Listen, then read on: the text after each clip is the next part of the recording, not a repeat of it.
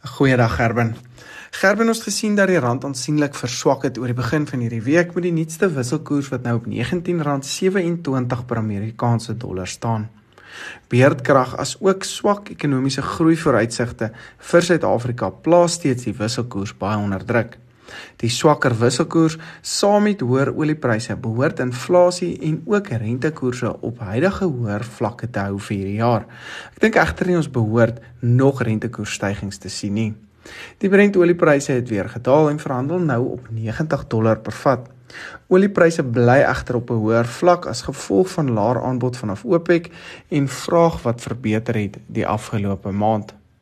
Wanneer ons kyk na die nuutste vleispryse, was ons maar redelik teleurgestel uh, dat ons nie regtig 'n opwaartse beweging in beesvleispryse en speenkalfpryse gesien het die afgelope maand nie.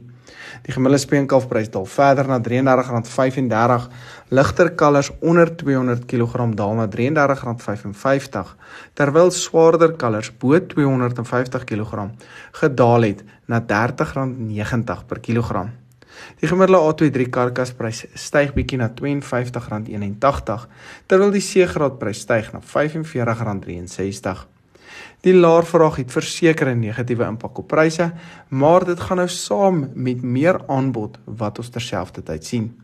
Ons het aansienlik meer diere in die mark as die afgelope 3 seisoene aangesien ons in 'n kuddebou fase was en ons nou uit dit uitbeweeg en saam met die laer vraag plaas dit nou baie druk op pryse. In die skaapbedryf sien ons dieselfde storie met hoër aanbod en laer vraag wat geweldige druk op markpryse sit. Die stoorlandprys het wel gestyg laasweek na R38.81 per kilogram en kan dit vir die volgende maand rondom huidige vlakke bly. Die A23 karkasprys daal egter verder na R83.62 terwyl die C23 prys daal na R58.78.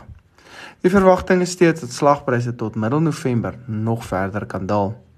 'n Groot probleem in die skaapmark is dat daar nie tans aktief bemark word op 'n kleinhandelvlak nie. Die feit dat presentpryse skerp gedaal het, gee nou baie ruimte aan kleinhandelaars om goedkoper in te koop en dis spesiale aanbiedinge te gee aan hulle kopers.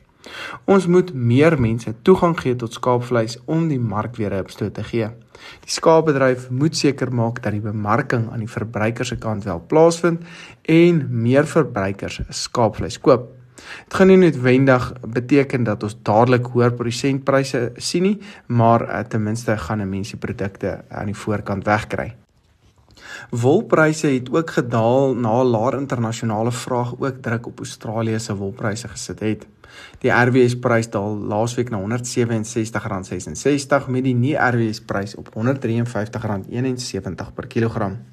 In Australië het wolpryse laasweek weer met ongeveer 1% gedaal en kan ons dus vandag of hierdie week ook dan weer laer pryse verwag in ons plaaslike mark.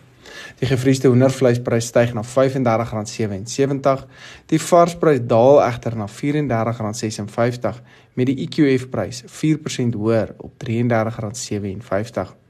Hierdie pryse behoort in 'n opwaartse tendens te bly, veral as ons na eierpryse kyk wat die hoogte moontlik kan inskiet omdat daar nie veel substituutprodukte vir eiers tans is nie. Die gemiddelde spekvarkprys styg verder en staan tans op R36.20.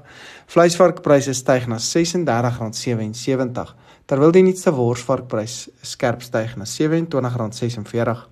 Dit lyk steeds of hierdie pryse net so onder die R40 merk gaan draai teen die einde van die jaar. Grootbokpryse styg laasweek na R58.33. Kleinbokke daal na R57.16 met bokoeipryse opwaarts op R48.38. Die verwagting is maar steeds dat hierdie pryse in 'n algemene afwaartse tendens kan bly tot vroeg volgende jaar.